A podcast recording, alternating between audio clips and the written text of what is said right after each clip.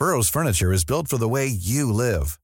From ensuring easy assembly and disassembly to honoring highly requested new colors for their award-winning seating, they always have their customers in mind. Their modular seating is made out of durable materials to last and grow with you. And with Burrow, you always get fast, free shipping. Get up to 60% off during Burrow's Memorial Day sale at burrow.com slash ACAST. That's burrow.com slash ACAST. burrow.com slash ACAST. When you're ready to pop the question, the last thing you want to do is second guess the ring.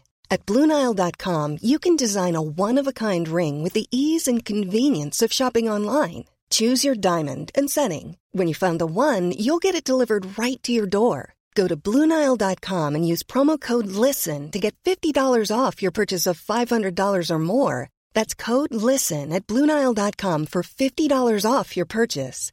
Bluenile.com code LISTEN. Since 2013, Bombas has donated over 100 million socks, underwear, and t shirts to those facing homelessness. If we counted those on air, this ad would last over 1,157 days. But if we counted the time it takes to make a donation possible, it would take just a few clicks. Because every time you make a purchase, Bombas donates an item to someone who needs it. Go to bombas.com slash ACAST and use code ACAST for 20% off your first purchase. That's bombas.com slash ACAST, code ACAST.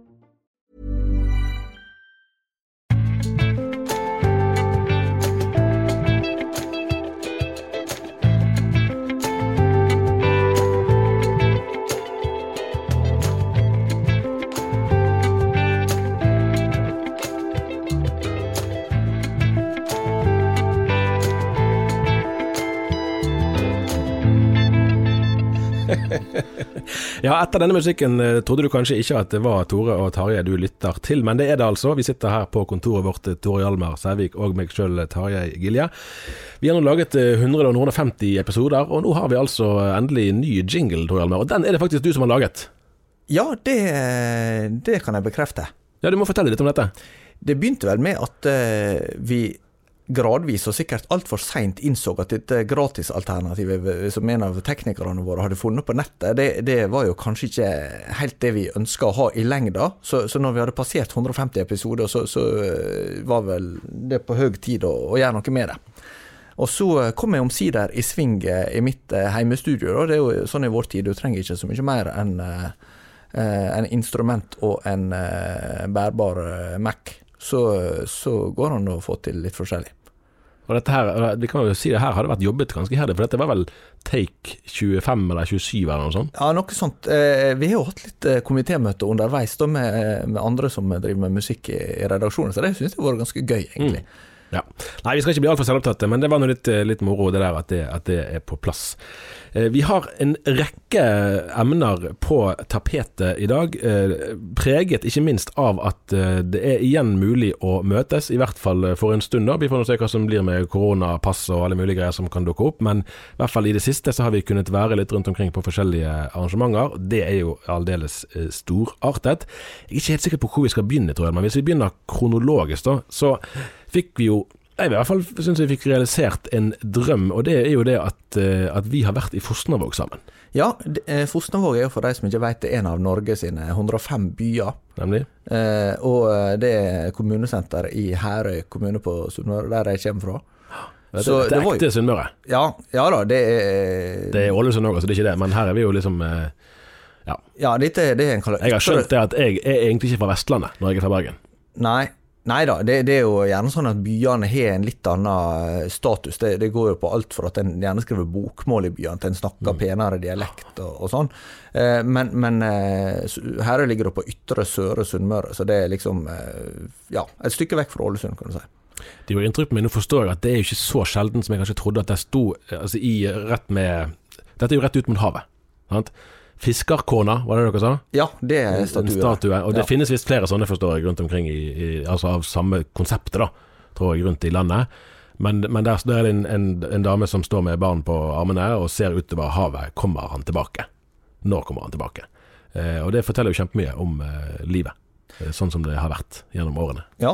Århundrene, til og med. Ja da, det, og det er jo noe som veldig mange har et uh, nært og sterkt forhold til. Jeg hadde jo sjøl en uh, en eh, bestefar som var på ishavet i, eh, i mange år og var vekk i månedsvis uten at de hadde kontakt, og en far som har vært på, på sjø i, i, mange år. Så det, dette er noe som, som mange har eksistensielt forhold til. Presis.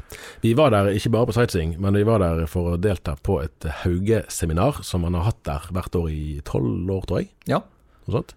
Eh, så det var òg veldig kjekt. da, og Det var flere hundre mennesker som var samlet der. Dette er jo da, Vi brukte vel knappe to timers reisevei fra Ålesund, eller fra Vigar, rettere sagt. To timer fra Vigar, inklusiv en ferge. Ferge må jo være med på, på Sunnmøre. Ja da, en, en, du fikk ikke svele der. Det burde du egentlig nei. fått. Men, det, det, ja. ja. ja. Men nei da, en, en fergetur Lov å si det at jeg Nei, det er kanskje Jeg liker Jeg lager sveler sjøl, nemlig. Ja, jeg liker ja. de ganske godt. Ja. Men det, Oppskriften er fra ferger på Sunnmøre. Men det er sånn, den der den smørkremen og greier som du får, den liker jeg ikke. Altså. Nei. Nei, men det er ærlig sak. Så lenge du bruker oppskrifta, så Ja, det gjør jeg. Den er jo den er altså fra Det heter Ferjeselskapets beste det Ligger på NRK sine nettsider. Det er jo ellers eh, verdt å ta med et sitat fra Frank Aarebrot, som dessverre døde for noen år siden, men som var jo en eh, utrolig verdifull kilde for oss her i Bergen. Professor i sammenlignende politikk og eh, valgforsker i utgangspunktet, men, men eh, også en som Og menighetsrådsmedlem. Ja, det stemmer. Det var han også. Eh, men, men, han var jo veldig eh, fargerik og kunnskapsrik. Og han sa jo annet ved et tilfelle at det var Hans Nilsen Hauge som skapte Sunnmøre. Sånn at du er jo et område der det å være på Hauge-seminar, og særlig i jubileumsåret for Hans Nilsen Hauge, som vi påpekte allerede ved inngangen til dette året, mm. 250 år siden han ble født, det, det passer jo sånn sett bra, da. At vi kom oss en tur dit. Helt klart. Helt klart. Vi går videre, og da lurer jeg på om vi uh, skal gå til noe av det som er, på et visst nivå er litt eksotisk. Uh, og det er årsmøtet i Det norske baptistsamfunn. Ja, det, det er kanskje ikke det, det kirkesamfunnet vi oftest uh, snakker om her. Men Nei. det er jo egentlig del av ei ganske stor internasjonal Absolutt. absolutt. Jeg måtte innrømme med skam at jeg tror aldri jeg har vært på et arrangement i regi av Baptistsamfunnet. Jeg har vært på, på måte, mindre møter, men aldri på landsmøtet der. Eh, og det første som sto med dette, var i et av altså, kongress- eller konferansehotellene i nærheten av Gardermoen forrige helg. Eh, altså for nå nesten for halvannen uke siden. da. Eh, og da eh, og da kommer jeg inn døren, og så eh, Nei, det var forresten ikke for halvannen uke, det var forrige helg. Det var noe, for en liten uke siden. var det. Det var noe annet som var Det var i Fosnavåg helgen før. Nok om det. Eh, kommer jeg inn i, i, eh, salen, og det første jeg ser og hører, det er en eh, som står på scenen og eh, forbereder at vi skal synge 'Salige visshet'. Eh, og, og, du hører med en gang at denne mannen er Altså, han er burmeser, eller fra Myanmar, da. Eh, og det kunne ikke jeg se på han, men det visste vi ut fra at det er mange eh, fra Myanmar som har blitt eh, tilsluttet baptistsamfunnet i Norge. Men han sang saligvis med en tydelig aksent, så han har åpenbart lært seg sangen. Og det ble en illustrasjon på det som har vært et sånn fenomen som har vært kjent, og som vi har skrevet om mange ganger i dagen, nemlig at baptistsamfunnet har blitt det må vel, altså Den katolske kirke, og for så vidt den ortodokse, er jo internasjonale i sitt vesen eh, med polsk innvandring osv. Men av de protestantiske så er det jo ingen kirkesamfunn i Norge som er i nærheten av å være så internasjonale som eh, baptistsamfunnet. De snakker faktisk om at kanskje så mye som halvparten av medlemmene faktisk har internasjonal eh, opprinnelse. Og når man så utover eh, delegatene, så var det helt åpenbart. Eh, for det var rett og slett en betydelig andel eh, mennesker som da ikke hadde et etnisk norsk utseende. og det er veldig fascinerende. Men hva, hva, gjør det med et sånt årsmøte? Hvordan eh, kommer det til uttrykk? Godt spørsmål. Altså på selve Nå var ikke jeg med på hele, så det kan være at dette ble mer eller mindre synlig gjennom helgen. Men på selve årsmøtet var ikke det nødvendigvis så synlig. Kanskje av litt sånn sosiale grunner. At det ikke er sikkert at de som har kommet til Norge sånn relativt nylig, eh, er de mest frimodige til å ta ordet eh, akkurat der. Men det er en kjensgjerning at f.eks. at i fjor var det to nye menigheter som ble tatt opp i samfunnet, og de var begge da Altså ikke norsk eh, Altså etniske menigheter, er det vel vi, sier. Um, men du kunne altså se at mange av delegatene eh, hadde utenlandsk opprinnelse. Eh, noe av det som er fascinerende Dette er jo en, en fantastisk rikdom for, for, dette kirkesamfunnet. Det helt, altså, det er jo klart. og så følger det jo med mange ting på kjøpet. Sånn er det jo her i livet. Sant? For disse menneskene blir jo ikke kulturelt norske over natten. Det blir ingen. Det tar kanskje en generasjon. Sant? Og enn så lenge er det jo litt sånn parallelle størrelser i den forstand at det er gjerne egne menigheter, eller at de har egne gudstjenester i andre, altså i norske menigheter. Eh, og, og lojaliteten deres er jo kanskje enda mye De har kanskje familie igjen sant, i Myanmar og sender penger dit osv. Eh, og det er ikke alt de nødvendigvis er like happy med av utviklingstrekk i norske samfunnet. Eh, og det tar lang tid. Eh, og, det, og det, det, følger jo med da betydelige utfordringer. I, altså, dette er jo sånn som integrering er i ethvert, sånn som det var med når nordmenn dro til USA for 100 år siden og 150 år siden og, og hva det var. Sant? Så måtte jo de òg da bli vant med det samfunnet som de, som de kom til. Så Vi kan si mange fine ting om ja, det er flott med mangfold og alt dette, og baptistene leverer jo helt klart på det punktet. Og så er det òg det er mye arbeid. Ja. Um, er det spesielle områder der baptistene står sterkt? Altså det, det har vel vært et, et, uh, som frikirkesamfunn flest et mer byfenomen, medan misjonsorganisasjonene har vært mer et bygdefenomen. Ja, det kan du kanskje si. Jeg tror det er 105 menigheter som finnes da i baptistsamfunnet rundt i landet. Jeg prøvde å se litt på det der.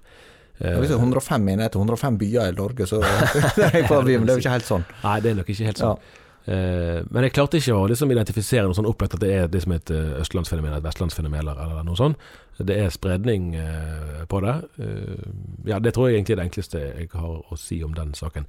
Det som, som for så vidt nok satte sitt preg på landsmøtet deres i fjor, enda mer enn i år, er jo at de har altså den, den samlivsetiske uenigheten gjør seg i høy grad gjeldende òg der, i en sånn grad at de har satt ned et prosjekt som de kaller for BID 2022. Eh, Forkortelsen står for baptistisk identitet. Eh, der de har en prosjektgruppe som skal eh, utrede og arbeide frem mot neste landsmøte. da, om hva det er å være baptist, egentlig, i, i vår tid. Hva slags teologisk egenart er det egentlig de ønsker å ha opprettholde. Og det har å gjøre med at uh, mest konkret er det vel egentlig at baptistmenigheten i Bærum, som ligger like over veien for HLT, altså Høgskolen for ledelse og teologi som baptisten eier sammen med pinsebevegelsen, uh, at der uh, har det vært et tema med likekjønnede i menighetsledelsen. og da utfordres jo sammenføyningene på den måten at, at dette er et samfunn der hver menighet er selvstendig. Samtidig så er man jo med der fordi man har en felles profil og hvor går da grensene eh, for dette? Hvor mye egenart kan en enkelt menighet, eller flere enkelte menigheter, ha? Uh, og her, så her er det jo betydelige indre spenninger uh, hos, hos, baptistene, selv om det var et altså landsmøtevedtak i fjor på å beholde en konservativ profil. Så er det Jeg prøvde å forhøre med litt kanskje type sånn en tredjedel som ønsker en, en mykere profil, eller en endret profil. Men her slår det jo òg inn at, at uten at Jeg tror ikke det finnes noen sikre tall på de internasjonale sitt teologiske ståsted, men, men, det vil jo gjerne typisk være sånn at de som kommer fra Myanmar, de er ikke så norske i hodet at de, eh, at de finner noen åpning for likekjønnet samliv i, i, Bibelen. Og dermed at det blir en sånn faktor som, som endrer dynamikken i den samtalen som allerede foregikk. Så det var mye læring på få timer, egentlig, på besøket der. Ja, men du var ikke bare der? Da du flaug? Nei, det er sant det. Eh, rett før det så var, det, var jeg eh, en dag innom eh, kirkemøtet i Trondheim. Det er jo alltid, alltid spennende og, og lærerikt. Og det er jo selvfølgelig altså, Folkekirken er folkekirken med sin enorme medlemsmasse fortsatt her i landet.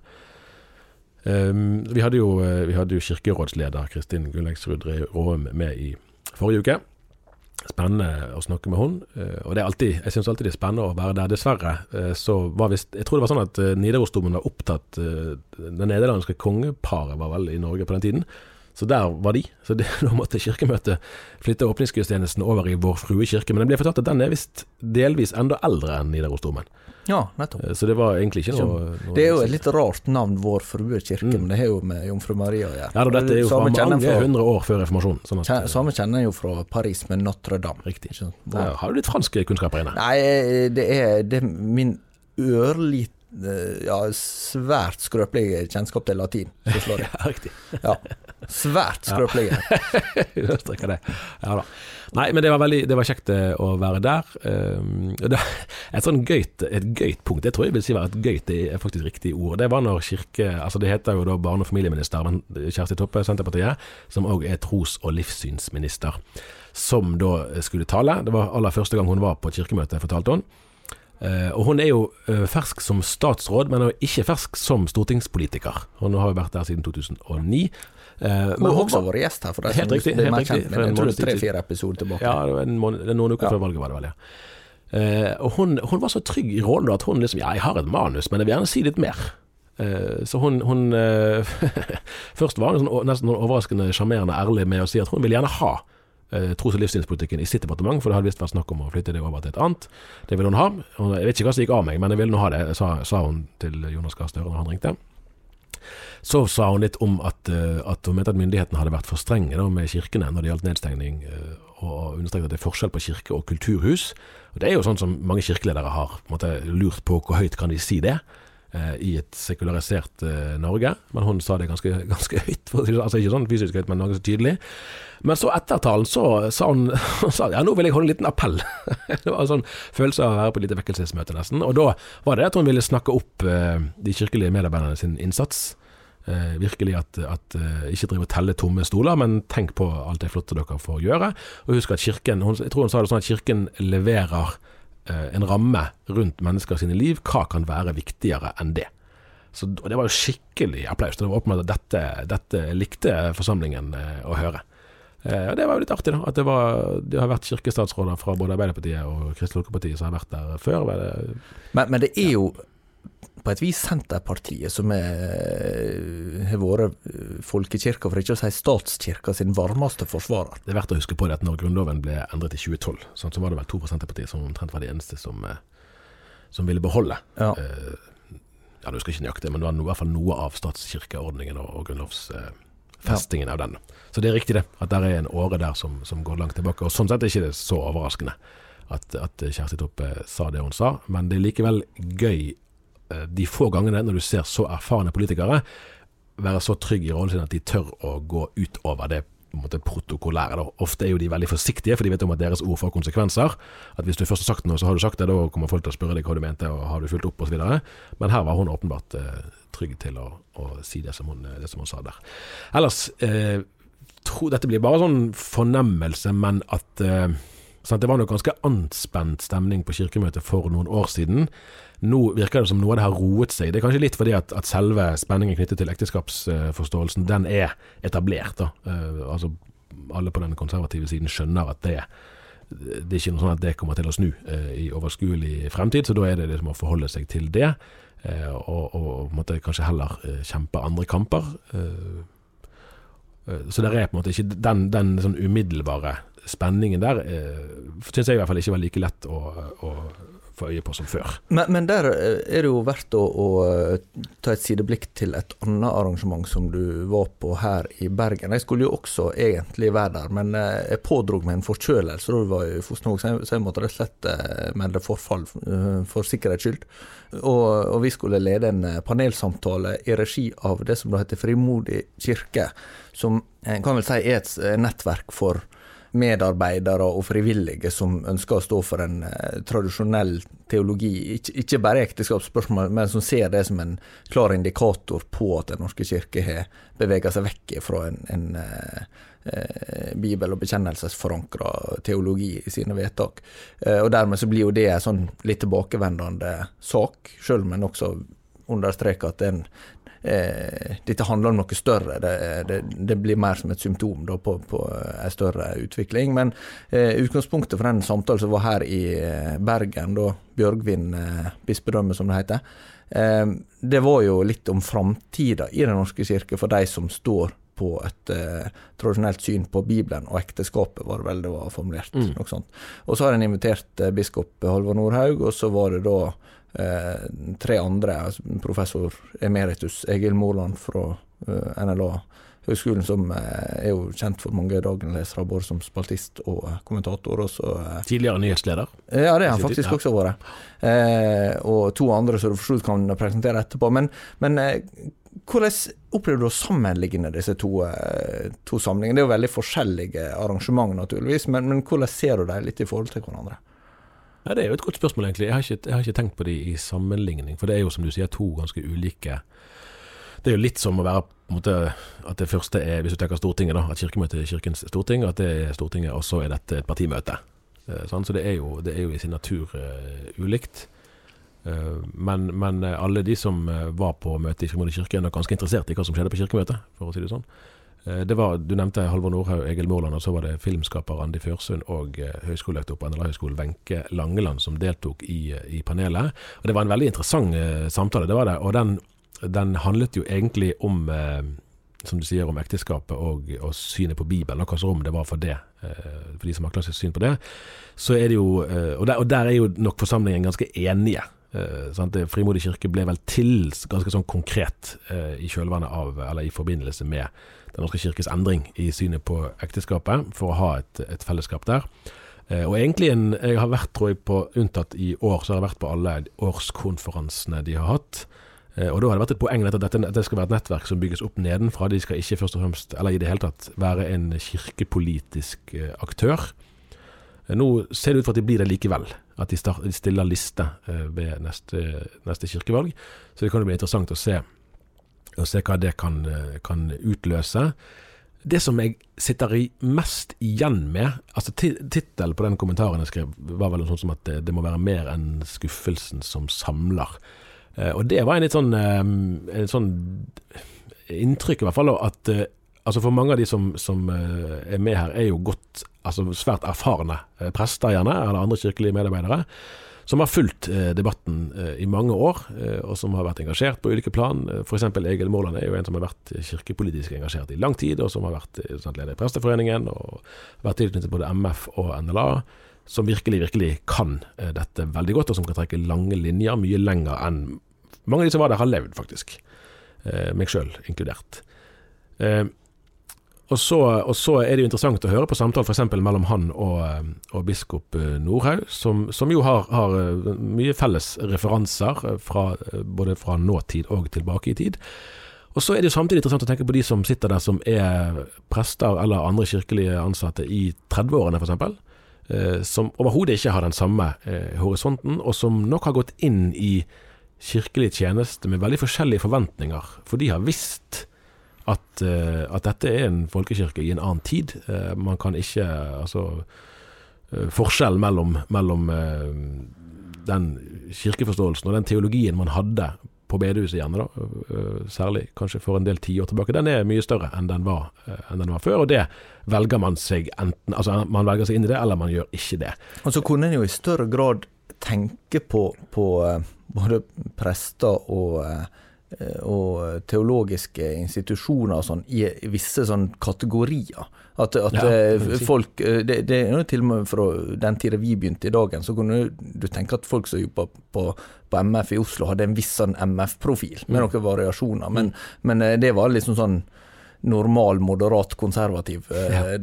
luthersk kristendom. Mm. Og så hadde du TF på Universitetet i Oslo, mm. som var var eh, uttalt, eller iallfall innforstått, eh, hadde liberalt preg, og så hadde du kanskje NLA som var ikke, drev ikke med full presteutdannelse på den tida. Nå er det jo en, bare en, en, faktor der at, at rektoren på NLA var jo nå delegat, eh, eller i hvert fall til stede, om det heter delegat, vet jeg ikke helt, men på kirkemøtet, fordi at nå har jo NLA fått kompetanse til å utdanne prester. Ja, ja, nettopp. Så det er første gang, for der har jo alltid ja. rektoren på MF og TF og gjerne Misjonshøgskolen vært. Mens nå var òg NLA til stede. Men ja. det er jo for så vidt et, et sidespor. Men, men, men, litt av poenget er at landskapet er jo mindre oversiktlig også. Altså det, ja. Der er jo en pluralisering som ikke bare handler om at det er større rom for, eller aksept for ting som en, har vært helt utenkelig for noen mm. tiår siden. Men det er også vanskeligere å sortere. Mye vanskeligere. Mot, ja. Mye vanskeligere. Og der, og der eh, altså Et ord som pragmatisme, eller et ord som kompromiss, er jo ikke det som klinger best i liksom, bekjennelsestro eh. De som gjerne vil kalle seg bibeltro, tenker gjerne ikke at, at pragmatisme og kompromiss er akkurat eh, de viktigste hedersbegrepene. Det er vel nesten bare Jens Stoltenberg tror jeg, som har det som virkelig som har hyllet fenomenet kompromiss. Det har han virkelig gjort da, i, i, boken sin. Eh, og, og, politisk er jo det åpenbart eh, noe man, man eh, må eh, legge mye vekt på. Hvis ikke må man ikke ha demokrati. Med mindre alle tenker likt, og hvis alle tenker likt, så er det som kjent ikke så mange som tenker. Nei. Men uh, Henrik Ibsen mente vel i sin tid at det var rundt 25 selvstendig tenkende nordmenn? ja.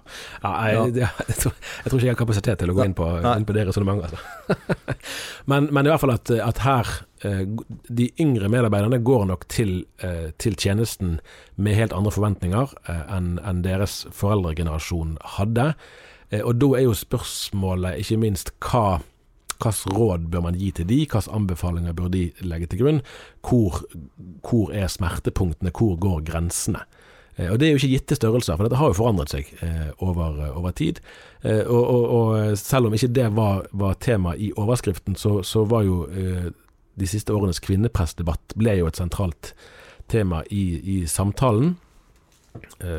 Og der utfordret jo biskop Nordhaug forsamlingen litt med å si at hvorfor, hvorfor skal det være utålelig for en prest som da ikke anerkjenner kvinnelig prestetjeneste, å ha eh, altså liturgisk samarbeid med en kvinnelig kollega, og f.eks. å dele ut nattverd sammen eller å, delta i samme gudstjenesten, eh, hvis man kan akseptere å ha en kvinnelig biskop. Eh, hvorfor er det ene prinsipielt umulig og det andre prinsipielt akseptabelt? Eh, og sånne samtaler, og da er jo nettopp inne på kompromissets grenser. Eh, for, for, en som da har en sånn overbevisning, vil jo åpenbart ikke mene at denne biskopen burde være biskop, i tenkt eller konkret tilfelle. Men, men kan man leve med det? Ja vel, hvor, hva mer kan man leve med? Og de samtalene er jo kjempevanskelige, fordi at her finnes det ikke noen formular som er fullt ut dekkende. Og der finnes jo også kvinnelige prester som er med i Frimodig kirke. Eh, hva skal de si? Eh, og, og hvordan skal man forholde seg til, eh, til de? Sånn at her er det mange men, utfordringer men, som er annerledes. da Men var. oppstår det en slags sjølrefleksjon? For, for litt av problemet er jo at en kan ende opp med en slags relativisering uten at det er tilsikta. Ja, man kan ende opp med det, og så kan du ende opp med en litt sånn derre Altså Det er mye lettere å samles hvis man har en tydelig definert motstander. Og her er jo det de som, eh, de som ønsker eh, en annen ekteskapsforståelse enn det man tradisjonelt har hatt. Det er jo de Frimodig kirke er blitt til i, i kontrast til. Eh, og hvis man nøyer seg med å holde den fronten oppe, da kan du si, så, så er det jo en slags harmoni i forsamlingen. Men alle som sitter der vet jo òg at her er flere ting som òg er vanskelige, og som de er innbyrdes uenige om. Og da tror jeg jo generelt sett at det er bedre å snakke om åpent og ordentlig. Eh, fordi at alternativet er jo gjerne ikke, eller vanligvis er det jo ikke at de samtalene om, om f.eks. kvinneprestspørsmålet Det er jo ikke at de samtalene ikke finner sted, men de finner noe sted mer privat. Og Der man gjerne er prisgitt, og den enkelte kvinnelige prest òg er prisgitt liksom, eh, sin egen eh, vurdering, eh, og, og, sin egen kanskje umiddelbare horisont, mens noe av potensialet for Frimodig kirke tenker jeg ligger i å være og tilsvarende, da, andre sammenhenger, ligger i å være en, en, et sånt samtaleforum der man faktisk kan utveksle både, både ståsteder og erfaringer og lærdommer. Men, men hva, hva forventninger, altså, hva, hva, oppfatter du er det beste de, de håper på for de, de som samles der? Altså, ja, Det er litt uklart, og, og det er her noe av spenningen ligger. For det at man kan jo måtte holde på i det uendelige og, og, og, snakke med hverandre, eller i det tilfellet her med biskop Nordhaug eller en annen biskop eh, et annet sted, om eh, alt man er uenig med eh, av utviklingen i kirken i senere tid. Og det, det, kan være gode grunner for det, og, analysene kan være både kvalifiserte og solide og, mange gode ting. Um, men det er jo likevel ikke den hverdagen man står i, og all den tid det ikke ser ut til å være noen planer om noe sånn kollektivt kirkelig, altså noen kirkelig utgang, altså utgang fra kirken, så har man tenkt å bli værende, og da er jo spørsmålet hvordan vil man faktisk innrette seg når man er der. Uh, og det tror jeg Det er vel det jeg syns jeg har sett på noen av, av årskonferansene òg før, og jeg skal ikke si at det, det var til stede, det er noe òg, altså, vi skal ikke være, skal ikke liksom være negative. Uh, men, men uh, ok, situasjonen er annerledes enn man skulle ønske seg. Man er blitt født inn i en tid der utviklingen går en annen vei enn man hadde drømt om. Hva gjør vi nå? Det er jo det spørsmålet som, som jeg vil tenke at flere, òg i, i din og min generasjon, eh, trenger å snakke om. Hvordan kan Kirken være kirke, eh, i vid forstand, da. Eh, altså ikke bare Norske kirke, men alle. Hvordan kan Kirken fungere etter, eh, etter Kirkens idealer eh, i denne tiden? Eh, det spørsmålet har sannsynligvis litt andre svar enn det hadde for noen tiår siden. Det er andre konfliktlinjer, det er andre temaer som engasjerer. Man, man har fått lys over Uh, altså, uh, kampsakene fra en tid er ikke Nå for eksempel ser vi at menneskehandel sant? er blitt en kampsak. Klimaspørsmålet er, er, mer og mer en sånn virkelig en kampsak som, som uh, det begynte å bli sånn um, Hvis man ikke har et engasjement der, så blir man ikke hørt på nesten samme hva annet man sier. Ja, og, og, så er det noe, og da må man ta det på alvor, da. Det er veldig mange debatter som kommer samtidig. Jeg tenkte jeg skrev i, i forkant av kirkemøtet, så, så skrev jeg om eh, Eh, også det med bruk av Det gamle testamentet som utgangspunkt for, eh, for mm. preike i, Den norske kirke. Nå er det sånn at det blir lest tekster fra Det gamle testamentet under en normal Ja, og det var ikke mer enn tre ganger i året før heller, så det, er jo ikke Nei. egentlig en stor forandring der. Så, men men det, det utløste jo likevel en mer sånn prinsipiell debatt om forhold til Det gamle testamentet. Og det, og det, det illustrerer nok da utfordringen også med å diskutere teologi i vår tid. For at det, eh, det blir jo fort litt sånn eh, Altså ord, eh, adjektivet gammeltestamentlig er jo ikke akkurat noe eh, hedersbetegnelse. Eh, og det, det vitner kanskje om nokså mangelfull innsikt i hva Det gamle testamentet er for noe. Og, hva det, og, og, og det- det kan også gjelde ganske langt inn i, mm. i kristne forsamlinger. Ja. Eh, så, sånn at når det er så mye bevegelse og kanskje sterke følelser og meninger, men det er ikke alltid eh, at, at på en måte eh, det som i alle fall det kan utløse av, av, av engasjement. Nå, nå tenker jeg liksom på folk som sitter i ansvarlige posisjoner, men hva det, hva det skaper eh, blant den, den, den jevne leser og, og tilhører når en hører noe. Så det, det er ganske krevende å, å føre sånne eh, nokså store eh, teologiske debatter eh, på en måte som er forståelig for et, et publikum som egentlig kanskje i stor grad er fremmed for det som debattene virkelig handler om. Eh, og, og eh, jeg kom til å tenke på tidligere Mørebiskop uh, Odd Bondevik som uh, sukka litt over det i en eller annen sammenheng. at han av og til tenkte tilbake til middelalderen, da de lærde diskuterte på latin. og så ble det på en måte debatter for de lærde. Jeg syns det var et litt rart utsagn. Etter hvert har jeg forstått mer hva han mente med. At en del ting er rett og slett veldig vanskelig å diskutere hvis en tenker at det skal være en åpent tilgjengelig debatt. Ja, altså Forutsetningene er jo, er jo helt klart veldig, veldig eh, store. Eh, og, og kanskje særlig når man er i en, i en tradisjon eller en retning som har opplevd nederlag, så er det ikke så rart at man har en viss sånn bakoverskuende orientering og minner. Ja, sånn, sånn var det jo før, og sånn var det før, og sånn var det før. Og det er klart at det vil jo være en, en altså det er jo helt utenkelig scenario for, en, for den kristne kirke, eller for et samfunn, å glemme eh, historien. Det bør, må ingen gjøre. Eh, men så er det samtidig en, en eh, utfordring at hvis det kun er det man gjør, så, så blir Altså da blir ungdommen stående alene. Med, hvis, hvis det kun er på en måte eh, svarene de pragmatiske svarene fra forrige generasjon, for det er det det ofte er. Hvis deres pragmatisme, deres standard er det eneste som finnes, så får ikke ungdommen den hjelpen de trenger. Eh, og, og unge i vid forstand. Eh, og det, det er for meg blitt mer og mer et viktig anliggende. At vi må faktisk snakke ordentlig om eh, hvordan man skal forholde seg i det samfunnet vi lever i. Jeg vil anta at dette er et spørsmål vi kommer tilbake til. Det er det grunn til å tro. Det er ca. 100 sannsynlighet for det, faktisk. Og, så sant vi får, vi får fortsette. Og det tar vi sikte på eh, neste uke allerede. Ja da, ja. Eh, og kanskje før, for at vi har litt bonusmateriale. Det er sant, det. Så, så vi, eh, det er bare å, å Mer skal det bli. Ja, vi, vi satser på det. Vi, vi, vi, eh, vi prøver å være på tilbudssida, for å si det. Det er sant. Det er Ja. vi høres igjen. Ha det bra. Ha det godt.